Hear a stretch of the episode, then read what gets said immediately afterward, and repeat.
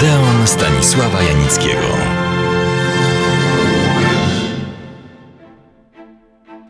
Swój tryptyk od ogółu do szczegółu, będący swoistą, żeby nie powiedzieć oryginalną prezentacją neorealizmu, jednego z najważniejszych w dziejach światowego kina zjawiska, prądu, kierunku, kończę jednym szczegółem, czyli jednym twórcą, bo był on reżyserem i aktorem, oraz jednym filmem, w którym zagrał główną rolę. Mam na myśli Vittorio De Sica. Urodził się w 1902 roku. Dorastał w Neapolu, w środowisku biednej klasy średniej. Zarabiał na swoje i rodziny życie jako urzędnik, lecz doszedł do wniosku, że tylko wyrwanie się z tego środowiska umożliwi mu życie zgodne z jego oczekiwaniami. Tym innym życiem było aktorstwo. Zadebiutował na scenie w 1918 roku, miał wtedy 16 lat. Talent aktorski rozwinął i sukcesy odnosić zaczął w latach 20. Jego życie zmienił film. Grał z ogromnym powodzeniem w lekkich komediach, które uwielbiały kobiety, ale zagrał i w ambitniejszych komediach, na przykład Mężczyźni, co za łajdacy z 1932 roku. W czasie wojny zaczął też reżyserować. Jednym z pierwszych filmów, które zwróciły uwagę i były zapowiedzią neorealizmu, był jego Dzieci patrzą na nas, przejmujący obraz świata oglądanego oczyma dzieci.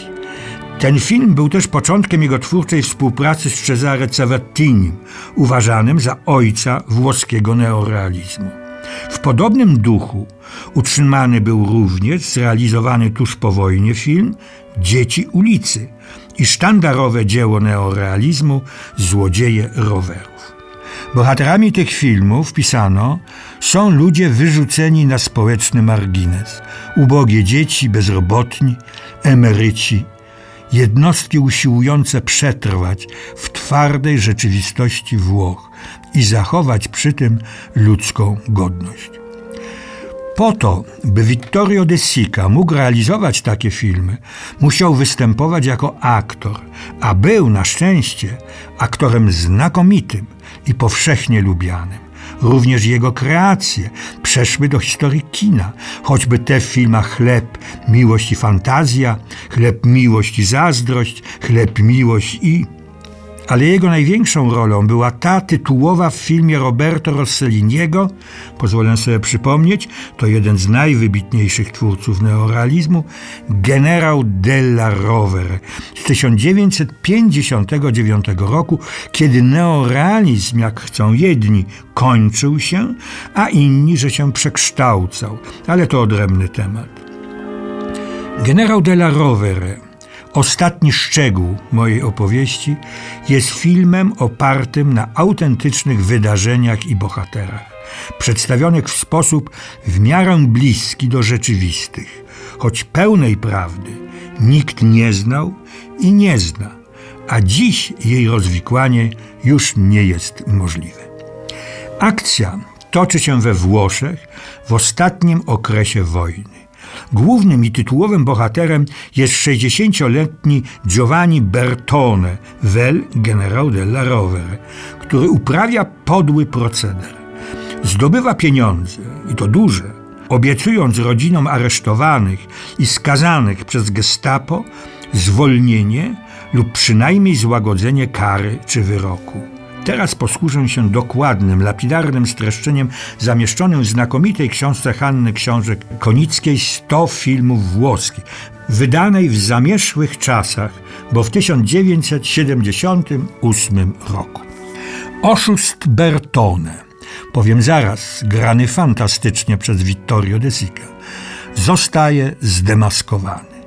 Niemcy dają mu szansę uniknięcia procesu i kary za cenę współpracy z Gestapo, na co Bertone przystaje.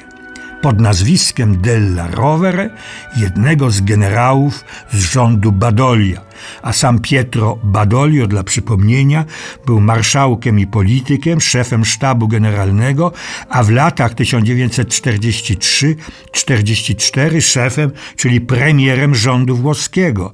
To on, widząc katastrofalną i beznadziejną sytuację Włoch, podpisał zawieszenie broni z aliantami i wypowiedział wojnę Niemcom. Film Generał della Rovere rozgrywa się w tym właśnie czasie, kiedy pełną władzę, krwawą i bezwzględną, przejmują na terenach Włoch, jeszcze nie wyzwolonych przez aliantów, hitlerowcy. Wracam do filmu. Bertone, przyjmując warunki Niemców, umieszczony zostaje w więzieniu, w celi więźniów politycznych. Jego zadaniem jest zdobyć zaufanie współwięźniów i zidentyfikować znajdującego się wśród nich przywódcę ruchu oporu.